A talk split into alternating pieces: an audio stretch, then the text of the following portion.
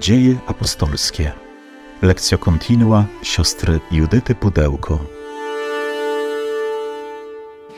Powracamy do naszej lektury Księgi Dziejów Apostolskich, do tej cudownej historii, jak słowo rozprzestrzenia się i działa z całą mocą, a w tym słowie jest obecny Jezus Chrystus z martwych wstały. I dziś przejdziemy sobie do kolejnego etapu rozwoju, rozkwitu y, tego słowa, bo będziemy już przyglądać się początkom drugiej wyprawy misyjnej. Ale zanim do tego dojdzie, ponieważ nastąpiło troszeczkę przerwy w naszej lekturze, przypomnimy sobie też, co było przed, co jest właśnie tym bardzo szczególnym, ważnym momentem w Księdze Dziejów Apostolskich. Ale zanim to nastąpi, poprośmy Ducha Świętego, aby nas prowadził, aby nas oświecał, aby objawiał nam swoją wolę, aby poprzez um, swoją moc i miłość dotykał naszych serc, otwierając to Słowo Boże przed nami. Panie Jezu Chryste, zmartwychwstały, który jesteś obecny pośród nas, prosimy Cię, posyłaj nam Twojego Ducha Świętego, tego, który objawia nam Ciebie w pełni Twojej mocy i chwały, y, Twojego zbawczego działania w Kościele. Prosimy Cię, aby On pokazywał nam Twoje działanie, aby to słowo było obecne, działające, żywe dziś dla nas w naszym życiu, w naszej historii. Prosimy Cię, abyś otwierał nasze serca, aby stawały się one słuchające, otwarte na Twój głos. I oddajemy Ci to wszystko, co było doświadczeniem tego dzisiejszego dnia, abyś Ty to przemieniał prosimy, posyłaj nam Twego Ducha Świętego. Przyjdź o Duchu Święty, przyjdź mocy Boga i słodyczy Boga. Przyjdź Ty, który jesteś poruszeniem i spokojem zarazem. Odnów nasze męstwo, wypełnij naszą samotność pośród świata. Stwórz w nas zażyłość z Bogiem. Przyjdź, Duchu, z przebitego boku Chrystusa na krzyżu przyjdź z ust zmartwychwstałego. No i moi drodzy, zmienia nam się troszeczkę dekoracja e, i punkt spojrzenia, e, ponieważ przechodzimy od punktu trzeciego w tym dużym podziale dziejów apostolskich do punktu czwartego, gdzie e, całe nasze spojrzenie i refleksja będzie bardzo mocno związana ze świętym Pawłem. E, on będzie tutaj głównym bohaterem, chociaż nie tylko, będą pojawiać się również i inni, e, ale e, od pierwszej podróży i Soboru Jerozolimskiego, co jeszcze przypomnimy, bo to jest bardzo kluczowe i znaczące, i niektórzy uczeni uważają, że sercem, takim centrum całej Księgi Dziejów Apostolskich jest właśnie Sobór Jerozolimski. Bo on pokazuje to działanie Ducha Świętego, pokazuje uniwersalność zbawienia, która bardzo mocno dotyczy również naszego życia. Y, I to wszystko, co się dzieje później, zresztą dzisiaj też to będzie bardzo mocno widoczne, jest konsekwencją tego, co się wydarzyło w Jerozolimie, o czym sobie mówiliśmy jeszcze w zeszłym starym roku. Więc przyjrzymy się E, pierwszej podróży i trzeciej, drugiej podróży i trzeciej podróży misyjnej, a w końcu potem ostatecznie Paweł będzie się udawał już w tej swojej szczególnej podróży cierpienia, krzyża, tak możemy to powiedzieć, w bardzo mocnym upodobnieniu do Jezusa Chrystusa, do Rzymu, aby tam stanąć przed e, sądem Cezara. Ale E, próbujemy też sobie zawsze e, przypominać ten kontekst wcześniejszy, e, żeby zrozumieć to, co się dzieje teraz, bo to, co usłyszymy za chwilę, jest konsekwencją tego, co było wcześniej. Te etapy. To jest, to jest niesamowicie piękne, myślę, i ważne, że y, Kościół, tak samo jak życie Jezusa, jak popatrzymy na Ewangelię, życie Jezusa ma pewne etapy. Jezus się rodzi, przeżywaliśmy y, teraz w liturgii, rośnie, dojrzewa, rozpoczyna swoją publiczną działalność. Nie od razu dokonuje się wszystko. I podobnie też jest w Kościele. Kościół y, napełniony Duchem Świętym rozwija się i rośnie, Słowo Boże rośnie i napotyka na różne nowe rzeczywistości i szuka y, w tym wszystkim woli Pana. Więc y, pamiętamy, że ten podział jest taki bardzo konkretny. Pierwszych 12 rozdziałów to jest czas formowania się kościoła judeo-chrześcijańskiego. Y, I w tych rozdziałach taka bardzo mocna rola zostaje y, przypisana świętemu Piotrowi. Od pierwszego momentu uzupełnienia grona dwunastu, dnia pięćdziesiątnicy, poszczególnych mów, głoszenia karygmatu przez Piotra, cudów, dawania świadectwa, więzienia y, i, i potem to, co najbardziej znaczące, to wizyta u Korneliusza i odkrycie tej woli Boga wobec Boga. Więc, więc tych pierwszych dwanaście rozdziałów to jest taki, możemy powiedzieć, cykl świętego Piotra. Oczywiście w międzyczasie pojawia się Szaweł Starsu w dziewiątym rozdziale. Y, już wcześniej, jak czytamy o świętym Szczepanie i jego męczeństwie, y, ale jego spotkanie ze zmartwychwstałym i zaczyna on wchodzić na tę scenę coraz mocniej, coraz bardziej, y, do takiego stopnia, że właśnie Barnaba zaprasza jego do Antiochii, tam pracują razem w kościele i właśnie stamtąd rozpoczyna się pierwsza wyprawa misyjna, rozdział 13-14, y, w której Duch Święty czyni rzeczy nowe. Y, czyli są nie tylko Żydzi, którzy uznają Jezusa jako Mesjasza, są nie tylko prozelici, nie tylko bojący się Boga, czyli sympatycy judaizmu, którzy już coś wiedzą, chodzą do synagogi i przynajmniej mają pojęcie, że yy, najbardziej pewną prawdą jest prawda o Bogu jedynym, bo wszystko inne to jest jakaś bajka. Ale to Słowo Boże trafia i dotyka takich absolutnych pogan, czyli ludzi wierzących w bożki jeszcze utożsamiających jakiekolwiek niezwykłe wydarzenia, cudy, cuda uzdrowienia. Pamiętamy, co się wydarzyło w Listrze, e, kiedy został uzdrowiony człowiek chromy. E, mieszkańcy Listry zaczęli wołać: Bogowie stąpili do nas. Hermes i Zeus stąpili do nas. Więc to jest ten krok milowy tak bardzo trudny, kiedy Słowo Boże przychodzi do ludzi, którzy są absolutnie nieprzygotowani do przyjęcia Ewangelii. Jest to bardzo trudne, bo, bo im potrzebna jest dłuższa formacja, już nie tylko ten kerygmat, który był głoszony na takiej zasadzie, że zaczynamy od narodu wybranego obietnic mesjańskich i te obietnice mesjańskie wypełnia Jezus z Nazaretu, którego Pan ogłosił, y, Bóg ogłosił y, Panem i Mesjaszem, ale ten karygmat, on się musi zacząć od stworzenia. Wszystkiego przez Boga jedynego, od natury, zupełnie od początku. No I to jest o wiele trudniejsze, ale myślę, że to jest bardzo ważne, żebyśmy zauważyli ten przeskok w głoszeniu że to głoszenie Kościoła, ono jest zawsze uzależnione od tego, do kogo się głosi. Inaczej apostołowie głoszą już do Żydów, którzy znają, którzy znają przymierze, są monoteistami, którzy już mają oczekiwanie, czekają na Mesjasza, mają jakieś wyobrażenie tego wszystkiego i to musi być jedynie tylko w jakiś sposób ukierunkowane, a inaczej, kiedy są to po prostu bałwochwalcy.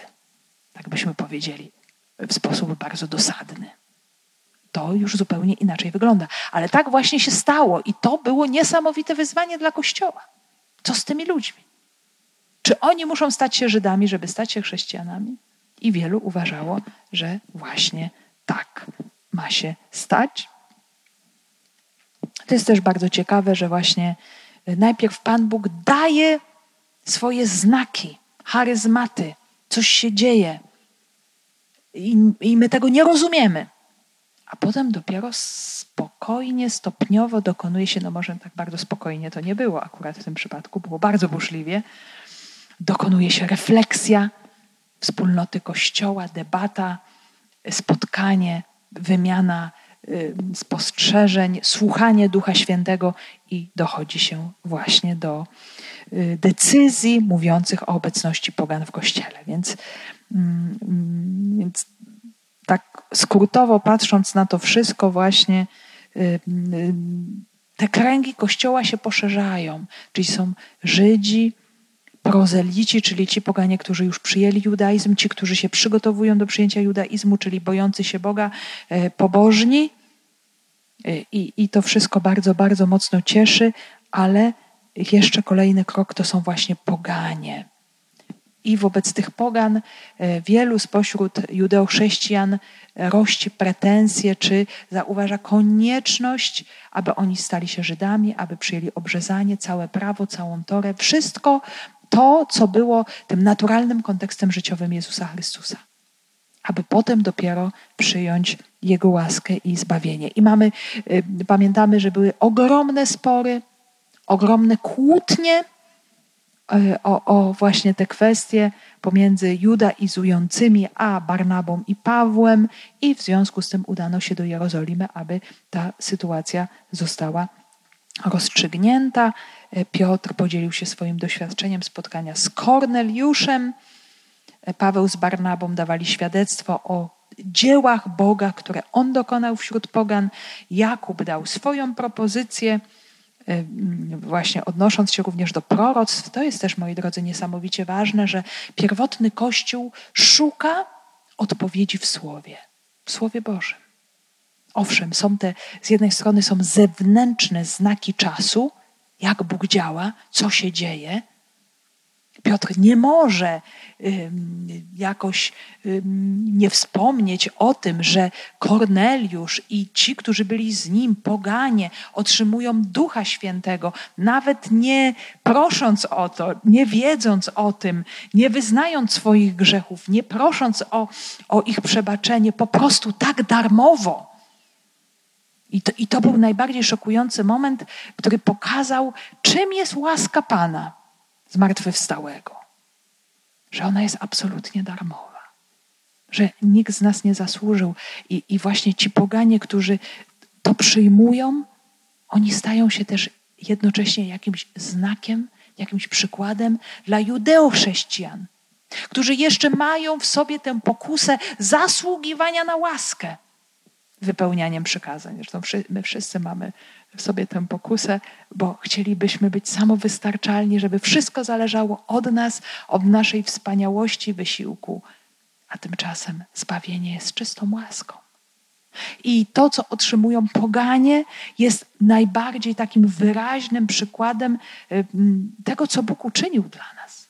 Bo oni sobie kompletnie niczym nie zasłużyli, nawet nie mieli o tym pojęcia najmniejszego. Po prostu chcieli być dobrymi ludźmi, mieli jakieś głębsze pragnienia, nie chcieli żyć na poziomie życia e, w grzechu, w bałwochwalstwie, szukali. Nie? Ten Korneliusz i jego towarzysze. Ale nic poza tym. Takie najbardziej podstawowe przygotowanie i ta łaska Boża się bardzo mocno e, tutaj objawiła. Więc nawet Jakub, który w gronie Kościoła Jerozolimskiego był uznawany za taką, taki filar judaizmu, zauważa, że tu wypełniają się proroctwa, że Bóg właśnie sobie znajduje lud wśród pogan, że zostają oni nie tyle podbici przez Żydów, ile zdobyci dla Boga. A to jest coś o wiele, o wiele ważniejsze. Więc y, tutaj jest to rozwiązanie, jak pamiętamy, bardzo y, też y, praktyczne, bo powstają wspólnoty mieszane gdzie są Żydzi i poganie razem. Więc żeby nie wprowadzać zbyt dużego zamieszania, te przepisy one dotyczyły, jak pamiętamy, właśnie kwestii y, czystości rytualnej, mięso mm, bez krwi, odrzucenie nierządu, który był bardzo mocno obecny. Ta swoboda obyczaju w świecie pogańskim mm, no, była po prostu obecna, więc do takich najbardziej podstawowych postaw odrzucenia grzechu zostali zaproszeni poganie. Więc to nam pokazuje, moi drodzy, że ciągle Kościół potrzebuje tego otwierania się na wolę Pana, na znaki czasu, bo to nie jest tak, że to się dokonało raz, jeden i koniec. Ciągle przychodzą do nas jakieś nowe wyzwania, jakieś pytania. I tutaj w dziejach apostolskich my mamy po prostu matrycę, taki przykład, taki wzór, że Kościół ciągle potrzebuje być w tej postawie słuchania, rozeznawania, dialogu, wspólnego poszukiwania. Dokąd nas duch doprowadzi? Więc to, to jest właśnie dla nas też mm, takie pouczenie. I co się dzieje dalej? Właśnie koncentrujemy się na Pawle misjonarzu i na drugiej e, podróży misyjnej. To jest jeszcze, możemy powiedzieć, taki mniejszy fragment w obrębie jeszcze dwóch podróży misyjnych, które są przed nami, czyli druga i trzecia. I zobaczymy, że będzie tutaj się dużo działo, bo Ewangelia już za chwileczkę, już za momencik pojawi się w Europie. Jeszcze nie jest, ale ale za niedługo się pojawi. Więc po kolei będziemy sobie e, czy pojedyncze te fragmenty, czy mniejsze fragmenty razem e, właśnie czytać. E, dziś no, no zobaczymy coś bardzo też takiego, myślę, pięknego, że rozstanie się Pawła i Barnaby nie oznacza porażki, nawet jeżeli to będzie rozstanie trudne, ale zaraz pojawią się jakieś nowe możliwości, bo pojawi się również Tymoteusz i nowe wyzwania, y, będzie Sylas, więc to, że w kościele są jakieś przesunięcia, osobowe zmiany, że ktoś z kimś współpracował i już nie współpracuje, no to nie jest rzecz nowa. Tak było od początku i też nie należy się temu dziwić. Z dziejów apostolskich. Po pewnym czasie powiedział Paweł do Barnaby: Wróćmy już i nawiedźmy braci we wszystkich miastach, w których głosiliśmy słowo Pańskie. Zobaczmy, jak się mają. Barnaba chciał również zabrać ze sobą Jana zwanego Markiem. Ale Paweł uważał za słuszne, aby nie zabierać tego, który odszedł od nich w Pamfilmii i nie brał udziału w ich pracy. Zaostrzyło się wzburzenie, tak iż oddalili się od siebie wzajemnie.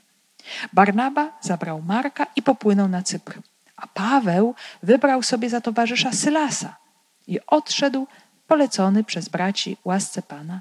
Przechodził przez Syrię i Cylicję, umacniając kościoły. Przybył także do Derbe i Listry. Był tam pewien uczeń imieniem Tymoteusz, syn Żydówki wierzącej i ojca Greka. Bracia z Listry i Konium dawali o nim dobre świadectwo. Paweł postanowił zabrać go ze sobą w podróż. Obrzezał go jednak ze względu na Żydów, którzy mieszkali w tamtejszych stronach. Wszyscy bowiem wiedzieli, że ojciec jego był Grekiem. Kiedy przechodzili przez miasta, nakazywali im przestrzegać postanowień powziętych przez apostołów i starszych w Jerozolimie. Tak więc utwierdzały się kościoły w wierze i z dnia na dzień rosły w liczbie. Po pewnym czasie powiedział Paweł do Barnaby: Wróćmy już i nawiedźmy braci we wszystkich miastach, w których głosiliśmy słowo Pańskie, zobaczmy, jak się mają. I pamiętamy z wcześniejszego kontekstu, że e, Paweł i Barnaba, kiedy wrócili po Soborze Jerozolimskim do Antiochii, to początkowo głosili Słowo Boże właśnie tam. Ale też nie możemy zapominać, że ta decyzja bardzo korzystna dla Barnaby i Pawła, właśnie potwierdzająca cały ich wysiłek apostolski, niejako dodała im skrzydła, e, wiatrów skrzydła. Tak to możemy powiedzieć, że oni poczuli no, niesamowitą moc Ducha Świętego i głosili najpierw oczywiście w Antiochii, e, ale cały czas widzieli wartość i znaczenie tej misji wśród pogan. I po pewnym czasie znowu duch ich popycha, by iść dalej i by głosić. Czyli są jakiś czas we wspólnocie macierzystej, tam umacniają, tam głoszą, pewnie ewangelizują, bo Antiochia była przecież potężnym miastem. Po Rzymie, po Aleksandrii to było trzecie miasto w imperium, potężne i wielkie. Było mnóstwo Żydów i pogan, więc było co robić, ale jednak pomimo tego e, ten duch e, pobudza Pawła, właśnie do dalszego głoszenia, które początkowo ma polegać na tym, że trzeba nawiedzić i wesprzeć już te wspólnoty, które są. Czyli Paweł tutaj bardzo mocno y, widzimy, no, przejawia tego ducha ojcowskiego. Założył wspólnoty, zostawił y, Ewangelię, Y, obudził wiarę poprzez to głoszenie słowa, tak żarliwe jego głoszenie słowa, no to teraz trzeba zobaczyć, jak się bracia i siostry mają, jak te wspólnoty żyją, czy tam nie ma problemów. Hmm? Więc tutaj możemy powiedzieć, że ta inicjatywa Pawła no, jest wypełniona już tą mocą, decyzją Ducha Świętego, jak pamiętamy, Inicjatorem pierwszej podróży misyjnej był Duch Święty. Podczas publicznego nabożeństwa, liturgii, jak pamiętamy, Duch Święty oddzielił Barnabę i Szawła jeszcze wtedy i wyznaczył ich do misji. Teraz już ta misja jest oczywista. Już Paweł wie, co ma robić.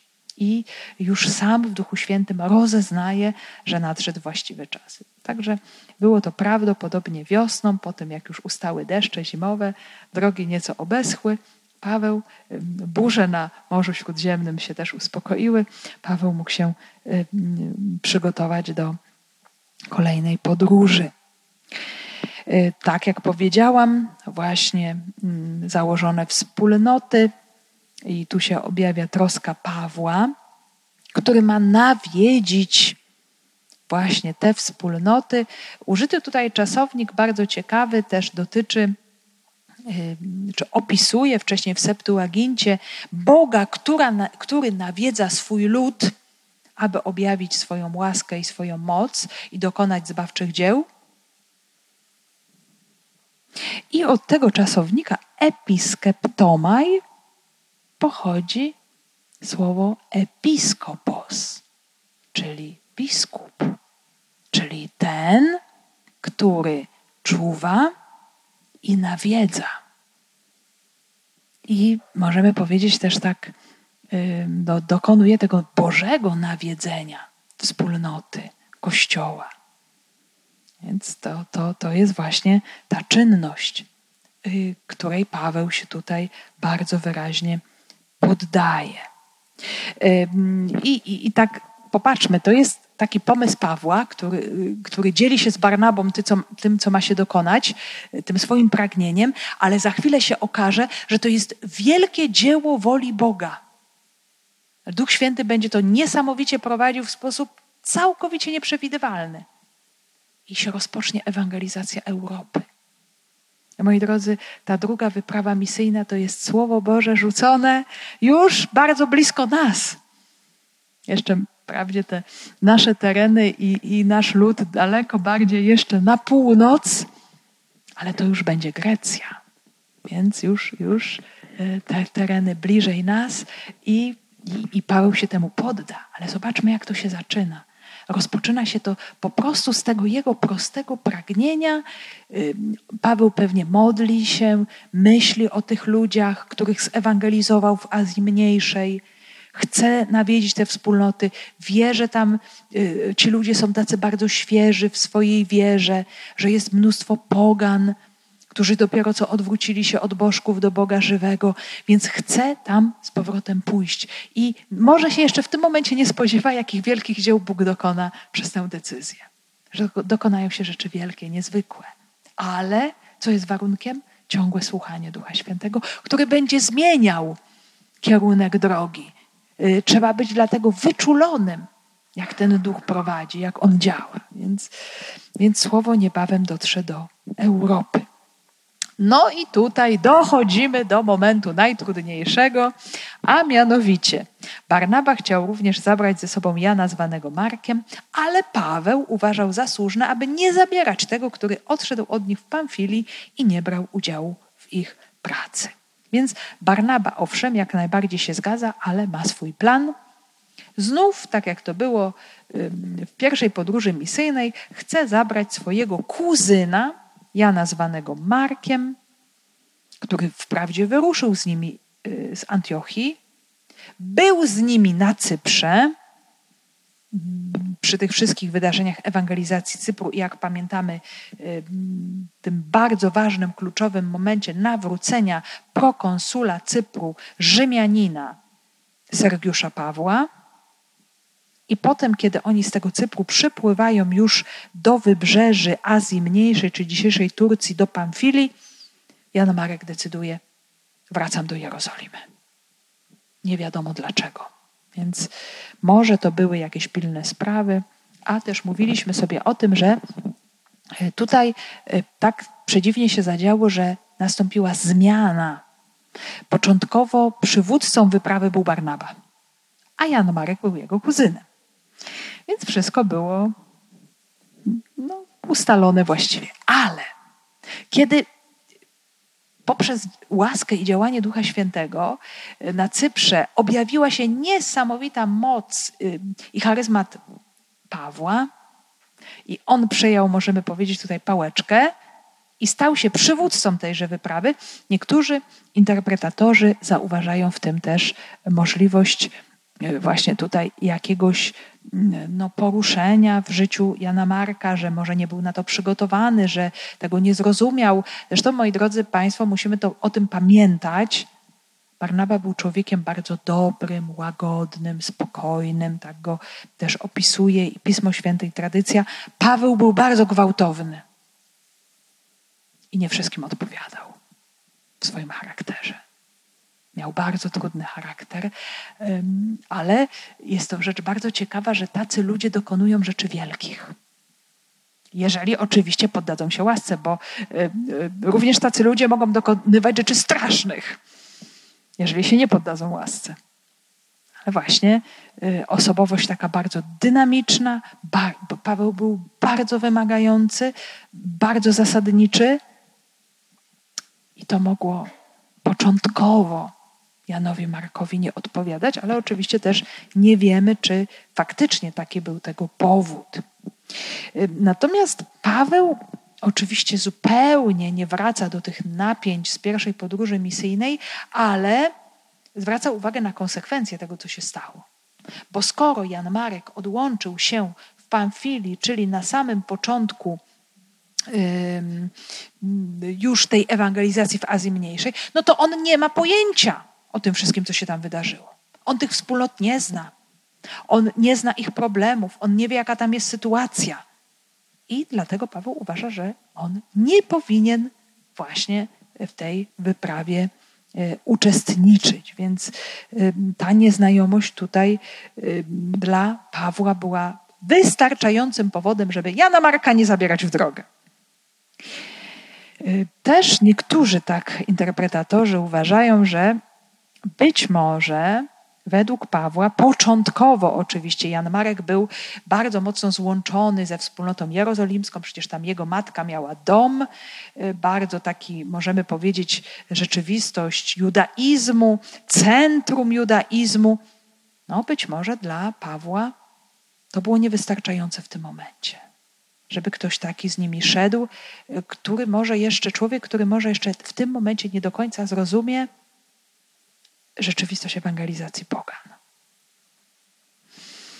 Mm, ale wiemy, i uwaga, tutaj też jest bardzo ważna rzecz do zauważenia, nawet jeżeli w pierwszym momencie ktoś może się wydawać nie do końca zdatny, to akurat tutaj Jan Marek bardzo mocno się rozwinął. Był młodym człowiekiem, więc miał takie możliwości e, i potem staje się ewangelizatorem, przy boku Barnaby, jak zobaczymy za chwilę, ale później również będzie wielkim ewangelizatorem przy boku Piotra. I będzie w Rzymie, i będzie we wspólnocie bardzo mocno mieszanej, bo chrześcijanie rzymscy to byli i judeo-chrześcijanie, ale w większości pogano-chrześcijanie i właśnie dla tych pogano-chrześcijan Marek, opierając się na wspomnieniach Piotra, spisze Ewangelię. Bardzo mocno podkreślając walor i znaczenie pogan. Jako pierwszy podkreśli znaczenie pogan. Pokaże y, ten zbawczy zamysł Boży wobec pogan. Więc mm, zobaczmy, to, to nie jest tak, że jeżeli y, w jakimś tam pierwszym momencie coś nie idzie, że Paweł uważa, że no Jan Marek może jednak nie w tym momencie, to to nie, nie oznacza nie na wieki wieków. Amen. To jest sytuacja otwarta cały czas. Ale żeby ta sytuacja była otwarta i rozwojowa, oczywiście to wymaga otwartości. Otwartości. I Marek taką otwartość wykazał. Dokonała się w nim wielka zmiana, taka nowość. Był pierwszym tym Oczywiście Ewangelie kanoniczne nam mówią najpierw, że pierwsza była, pierwsza była Ewangelia Mateusza, ale wszystkie badania naukowe nam pokazują i potwierdzają, że y, no tak, pierwszy był, była najkrótsza Ewangelia Marka. On zauważył tę potrzebę, żeby tym chrześcijanom, zwłaszcza tym pogano-chrześcijanom w Rzymie, pozostawić to świadectwo, to słowo spisane. I to jest właśnie y, też taki dla nas, myślę, cudowny obraz. Zresztą potem Paweł, kiedy będzie, możemy poczytać końcówkę, czy w ogóle list, drugi list do Tymoteusza, który nam mówi o e, już końcowym etapie życia świętego Pawła.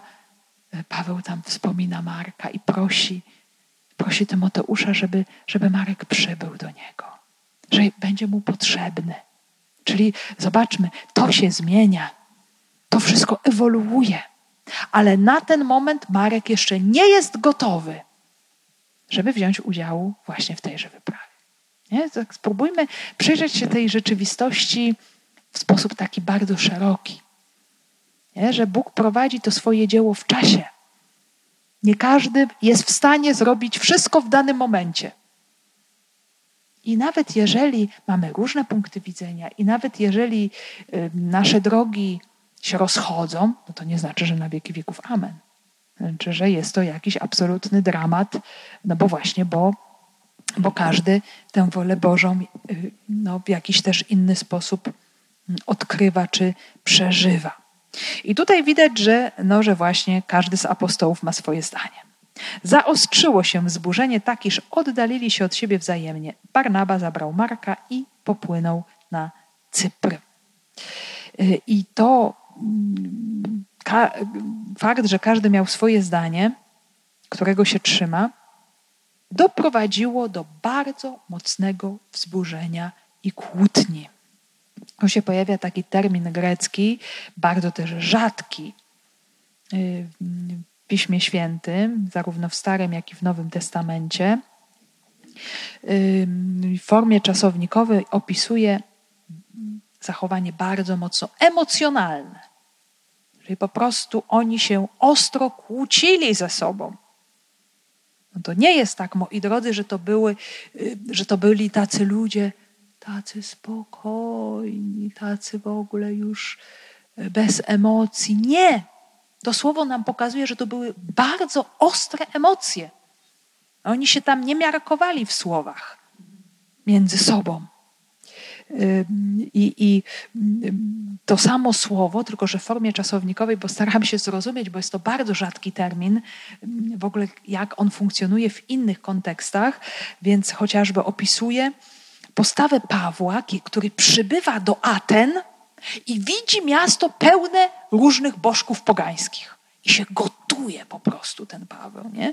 Tak, tak nam pisze dalszy tekst dziejów. Oburzał go widok miasta pełnego pogańskich bożków.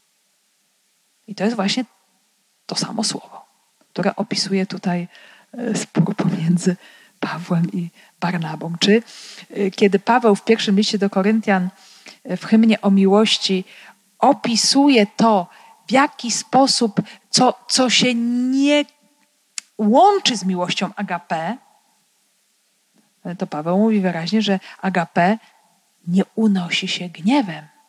I tu jest użyty właśnie ten sam termin, który, y, który właśnie opisuje nam spór pomiędzy Barnabą i Pawłem. To nie było, jak widzimy, wcale agape, to co było między nimi. To był bardzo mocny spór. Także przypatrzmy się apostołom. To są ludzie z krwi i kości. To jeszcze nie są ludzie idealni, bez emocji, spokojni. Oni przeżywają, y, każdy z nich ma swoje rozumienie i wyraża je szczerze, a co więcej, jeszcze bardzo emocjonalnie. No są ludzie bardzo, bardzo gwałtowni, a przynajmniej Paweł był na pewno wiele bardziej gwałtowny od Barnaby i, i, i tutaj właśnie nie pozwolił Barnabie, żeby narzucił mu swoją wizję tejże wyprawy właśnie z Janem y, Markiem. Więc, I te emocje doprowadzają ostatecznie do tego, że w tym momencie nie ma możliwości wspólnego działania, że oni się rozdzielają. Barnaba udaje się z Markiem do miejsca swego pochodzenia na Cypr, gdzie ewangelizują. I tutaj uwaga, kończy się, kończą się wszelkie odniesienia do Barnaby w dziejach apostolskich. Nie? Zobaczcie, on wypełnił swoje zadanie. Jego głównym zadaniem było wprowadzenie nawróconego Szawła, którego wszyscy się bali do kościoła. Oczywiście był wielkim ewangelizatorem, człowiekiem dobrym, pełnym wiary i Ducha Świętego, jak, jak mówią dzieje, ale y, y, ta pierwsza podróż misyjna, y, to dodanie skrzydeł Pawłowi, ten rozpęd i Barnabas znika. Jak przekazuje nam tradycja apostolska, czy, czy nawet też pozabiblijna, Barnaba miał być biskupem na Cyprze, i miał ponieść śmierć męczeńską około 61 roku w Salaminie, gdzie się znajduje jego grób. I nawet później ojcowie, kiedy komentują mm, to, co się stało, na przykład święty Jan Chryzostom zauważa, że to rozdzielenie posłużyło planowi Bożemu. Spór nie oznaczał wrogości. Każdy z nich wypełnił Boże zadanie. Pomimo, że były emocje, pomimo, że się sobą nie zgadzali, każdy z nich pragnął wypełnić wolę Boga. I myślę, że to też jest ważne. Pokazuje nam, e, tak jakby nam odtruwa obraz pierwotnego kościoła z takiego cukierkowatego idealizmu, bo te, czegoś takiego nie było. To byli prawdziwi ludzie, szczerze szukający woli Boga i mający swoje poznanie tejże woli. No i często bywało tak, że, że były te spory i że się ze sobą nie zgadzali, ale pragnęli całym sercem służyć Panu. I, y, I tego możemy być jak najbardziej pewni. Paweł wybrał sobie za towarzysza Sylasa i odszedł polecony przez braci łasce Pana. Przechodził przez Syrię i Cylicję, umacniając kościoły.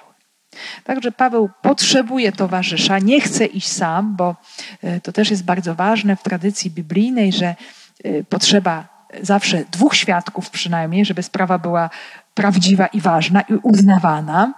Więc oni są już tak wychowani w taki sposób, przynajmniej Paweł. I Sylas, kim jest Sylas? On nam się pojawia jako reprezentant Kościoła w Jerozolimie w sprawie dekretu. Bo jak pamiętamy, kiedy Paweł z Barnabą wracają do Antiochii, no to oni są tak jakby stroną w tej sprawie. Oni są pro-pogano-chrześcijańscy. Są przeciwni judaizującym. Więc musiał być ktoś bezstronny. I Sylas był właśnie jednym właśnie z tych reprezentantów Kościoła w Jerozolimie, którzy przekazywali dekret apostołów. Więc było to, myślę, bardzo dobre, bo, bo e, przy sobie Paweł miał człowieka, jakby, który tutaj był poręką prawowiernej nauki Kościoła w Jerozolimie, jednocześnie potwierdzeniem ważności dekretu e, Soboru. A jednocześnie też mówi nam wcześniejszy tekst dziejów, że był uznany za proroka, że głosił słowo, że nauczał. Więc był to człowiek kochający słowo Boga, no, czujący się właśnie dobrze w tym, w tym zadaniu. I ta misja też jest właśnie tutaj wsparta modlitwą wspólnoty, bo są oni poleceni przez braci łasce Pana i kierują się oni do wspólnot Syrii, czyli jak sobie wyobrazimy mapę Ziemi Świętej, Syria y, to jest jeszcze dużo, dużo w linii prostej na północ od Ziemi Świętej, idąc w kierunku Turcji, praktycznie tam już się Turcja, czyli Azja Mniejsza, to jest pogranicze Syrii i, i Azji Mniejszej zaczyna i idą właśnie na północ od Antiochii do Cylicji. Tam to są właśnie te rejony Pawła, Tars i dalej Derbe, Listra. No i Paweł cały czas umacnia kościoły przez siebie założone. Widać właśnie tą ogromną troskę pasterską, aby wiarę e, tych nowych chrześcijan umacniać. Przybył także do Derbe i Listry. Był tam pewien uczeń imieniem Tymoteusz, syn Żydówki wierzącej i ojca Greka. Bracia z Listry i Konium dawali o nim dobre świadectwo. Także możemy sobie tutaj przypomnieć te wspólnoty Likaoni, no, gdzie było mnóstwo pogan, mm, Derbe, tam gdzie Paweł też doświadczył wiele prześladowań. Y, tam spotyka ucznia o imieniu Tymoteusz. To greckie imię oznacza bojący się Boga, czczący Boga. I ten człowiek, ten młodzieniec ma mieszane pochodzenie. Urodzony jest z matki Żydówki wierzącej, Żydówka wierząca, tak ona tu została określona przez Łukasza w dziejach apostolskich, czyli Żydówka, która stała się chrześcijanką i z ojca Greka. I Tymoteusz jest tutaj bardzo uznany. Mimo, że ten jego status jest no, taki przedziwny, bo no, jest urodzonym Żydem, ale jak się zaraz okaże, jest nieobrzezany. Czyli to, to możemy też tutaj zobaczyć, moi drodzy, już trudność praktykowania żydowskości w diasporze. Że to nie było takie oczywiste. Owszem, byli, byli ci Żydzi bardzo gorliwi również i w diasporze, ale nie wszyscy. No, tym bardziej, jeżeli ta kobieta, Żydówka, weszła w związek z Grekiem, no, dla którego no, te sprawy żydowskie myślę, że nie były zupełnie istotne. Y, I o pochodzeniu Tymoteusza wspomina Paweł w drugim swoim liście do Tymoteusza, gdzie właśnie wspomina wiarę jego matki i nawet jego babci. Na wspomnienie bezobłudnej wiary, jaka jest w tobie, ona to zamieszkała najpierw w twojej babce Lois i w twojej matce Eunice, a pewien jestem, że mieszka i w tobie. Czyli, czyli mamy tu do czynienia właśnie z taką wiarą, przekazywaną, umacnianą w rodzinie przez kobiety. Bardzo piękna rzecz. Więc Paweł postanowił zabrać go ze sobą w podróż, obrzezał go jednak ze względu na Żydów, którzy mieszkali w tamtejszych stronach. Wszyscy bowiem wiedzieli, że ojciec jego był Grekiem. Więc e, Paweł rozeznaje, rozpoznaje, że Tymoteusz e, no, powinien stać się e, uczestnikiem jego zespołu, jego teamu, obok Sylasa, ale może nas tutaj zadziwić fakt, dlaczego Paweł go obrzezał. Ten, który tak bardzo walczył podczas Soboru Jerozolimskiego i później też czytamy o tym w listach, że jeżeli poddacie się obrzezaniu, to znaczy, że Ewangelia nic nie znaczy i w ogóle i w szczególe i, i właśnie tak. Dlaczego? Paweł jest bardzo mądry tutaj, przewidujący i rozumiejący różnice, które są pomiędzy osobami we wspólnocie chrześcijańskiej. Dlaczego obrzezał Tymoteusza? Bo Tymoteusz jest Żydem, ponieważ jest urodzony z matki Żydówki. Oczywiście te regulacje jeszcze nie były oficjalne prawdopodobnie w tamtych czasach, mogły już tak krążyć w powietrzu, że żydowskość określa się po matce, nie po ojcu, jak jest po dzień dzisiejszy zresztą, ale te regulacje oficjalnie pojawiły się dopiero w Misznie. I to jest rok dwusetny po Chrystusie. Mm, nie wiemy, czy Paweł rzeczywiście brał to pod uwagę. Tutaj egzegeci dyskutują na ten temat, ale jest coś na rzeczy, że Paweł uznaje Tymoteusza za Żyda. I tu byłby prawdziwy problem, bardzo mocny problem, bo gdyby Paweł wziął ze sobą w podróż Żyda, który jest nieobrzezany, Wtedy wszyscy Żydzi, do których Paweł kierował swoją y, naukę i ich ewangelizował, mieliby prawo powiedzieć: Ty jesteś Żydem, który łamie przymierze. Jesteś nieposłuszny. Pokazujesz nam człowieka, który jest w ogóle poza przymierzem. Jak w ogóle możesz mówić o tych obietnicach, o wierności y, itp. itd.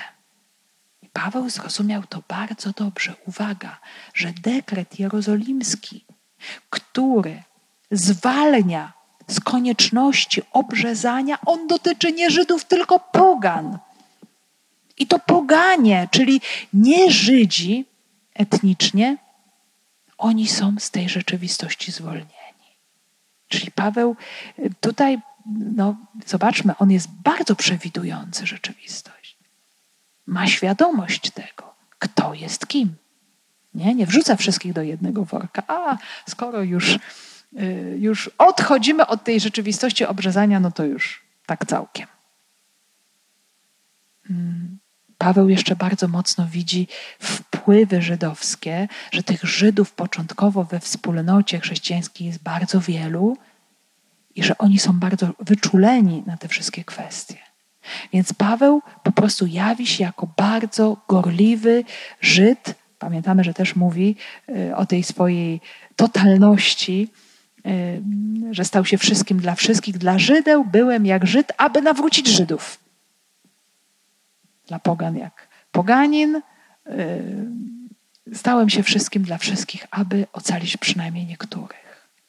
Więc tutaj możemy się też nad tym zastanowić, jak bardzo Paweł jest właśnie myślący, przewidujący, otwarty y, i bardzo taki wrażliwy, że nie chce poprzez swoją nieopatrzną decyzję uniemożliwić komuś, czy zgorszyć kogoś, czy zamknąć komuś serce i umysł na przyjęcie Ewangelii. I dlatego właśnie robi to, co robi. Także jest to rzeczywistość bardzo, bardzo przemyślana. Kiedy przechodzili przez miasta, nakazywali im przestrzegać postanowień powziętych przez apostołów i starszych w Jerozolimie. Więc, więc właśnie to jest mm, ta wędrówka do wspólnot pogańskich, przypominanie, zalecanie decyzji soboru, tego dekretu, też zachęcanie judeo-chrześcijan, żeby przyjmowali pogano-chrześcijan we wspólnocie na zasadach ustalonych przez apostołów. I to jest, możemy powiedzieć, w kościele pierwotnym taki pierwszy przepis, norma, no bo nie ma jeszcze jakichś tam przykazań, e, czy, czy nauczań, czy encyklik, czy innych adhortacji, to co my znamy tego nauczania dogmatycznego. Jeszcze nie ma takich rzeczy, bo nawet jeszcze nie ma, nie ma jeszcze Nowego Testamentu spisanego, nie ma jeszcze Ewangelii. E, za chwilę dopiero e, rozpocznie się spisywanie listów też. Więc to jest rzecz zupełnie świeża, nowa. Jak możemy powiedzieć, że właśnie ten Sobór Jerozolimski, ten dekret, to jest rzecz zupełnie pierwsza, taka e, życiowa, nie, nie duchowa, ale bardzo taka też konkretna, która jest zalecana E, wspólnotom chrześcijańskim do przestrzegania. I Paweł jest tutaj bardzo wierny i, i właśnie w tym kierunku idzie. Tak więc utwierdzały się kościoły w wierze i z dnia na dzień rosły w liczbę. To jest takie typowe e, podsumowanie, somario e, Łukaszowe, że Łukasz zauważa właśnie pozytywne działania tego działania, E, pozytywne owoce tego działania, wspólnoty rozrastają się w liczbie, ale jednocześnie ich wiara wzrasta. Takie, takie dwa wymiary no, tej rzeczywistości życia rozwijającego się w pierwotnym kościele. Rośnie wiara i rośnie liczba. Chrześcijanie świadczą o Chrystusie i przyciągają właśnie kolejnych wyznawców. Więc tak podsumowując, moi drodzy, co możemy zobaczyć? Że plany Boże są zaskakujące. Że no, nam pewne rzeczy mogą się takie wydawać trudne, nie do pojęcia, stracone, bo, bo bo mamy jakąś wizję, no, że skoro pierwsza podróż misyjna no, tak się udała i były takie piękne owoce, o których Paweł z Barnabą dawali świadectwo przed wszystkimi w Jerozolimie. I wszyscy się zachwycali, i właśnie dzięki ich świadectwu były podjęte te bardzo ważne decyzje. Nie one sprowokowały y, te kolejne działania i decyzje, i że tak będzie zawsze. Ale uczymy się też takiej pewnej nowości, y, wyjścia z pewnych schematów. To, że tak było wczoraj, to nie znaczy, że tak będzie dzisiaj. I nam się może wydawać, że to, że się ludzie czasami nie mogą dogadać, no to już Pan Bóg sobie z tym nie poradzi, to my już tutaj rzeczywiście wykrzywiamy, drogi Boże, i koniec kropka, i przeszkadzamy Panu Bogu działać. Pan Bóg sobie poradzi. Oczywiście nie należy się kłócić bez powodu, bo tu zobaczmy, nie chodziło o wolę własną, ale rozeznanie woli Bożej i każdy to odkrywał i odczuwał inaczej. Każdy myślał tutaj nie o sobie, ale o wypełnieniu woli Boga, więc to jest też bardzo ważne kryterium, ale jednocześnie y, to, co jest ważne, Bóg zagospodarował tę sytuację w sposób doskonały. I y, widać było, że Pawłowi było potrzebne coś innego. Bóg chciał to jakoś inaczej skonstruować, bo zaraz zobaczymy, za chwileczkę, jeszcze teraz tego nie widać, ale za chwileczkę będą widoczne nowe sytuacje, nowe potrzeby, gdzie jest potrzebny ktoś nowy, ktoś inny, ktoś świeży do misji. Być może Barnaba by temu już nie sprostał. Hmm? Właśnie, no to jest właśnie takie przedziwne i uczy nas takiej ogromnej otwartości i giętkości wobec tego, co się dzieje. Nie, nie, nie wchodzenia w taką sytuację żałoby, a no, no już tu się nie dało, no to już jest koniec, już jest klapa. Nie. Bóg tworzy ciągle rzeczy nowe i, i sobie radzi bardzo dobrze, również z naszymi różnicami y, charakterów, wrażliwości, wizji, które mamy w Kościele. Zobaczmy, jak bardzo ten Kościół jest bogaty, jak bardzo jest zróżnicowany o to chodzi. Nie jest tak, że wszyscy mają myśleć tak samo, odczuwać tak samo. Duch daje bardzo różne dary i ma też właśnie y, różne pomysły. I do różnych pomysłów Ducha Świętego nadają się różni ludzie. I to potem możemy też bardzo pięknie obserwować już w późniejszych dziejach Kościoła, jak bardzo te zadania są zróżnicowane i jak rzeczywiście nie każdy nadaje się do wszystkiego. A potem ostatecznie i tak wszyscy razem spotykają się w jednym wspólnym duchu, w miłości, w jedności w Królestwie Niebieskim. Więc niech, moi drodzy, to słowo będzie dzisiaj dla nas takim pocieszeniem, abyśmy my, patrząc na Kościół dzisiejszy, również wyciągali podobne wnioski. Bóg sobie poradzi. Ważne, żebyśmy szukali Jego królestwa, Jego woli, pragnęli ją pełnić y, z całego serca. On sobie poradzi, nawet pomimo tych różnic, które są pomiędzy nami.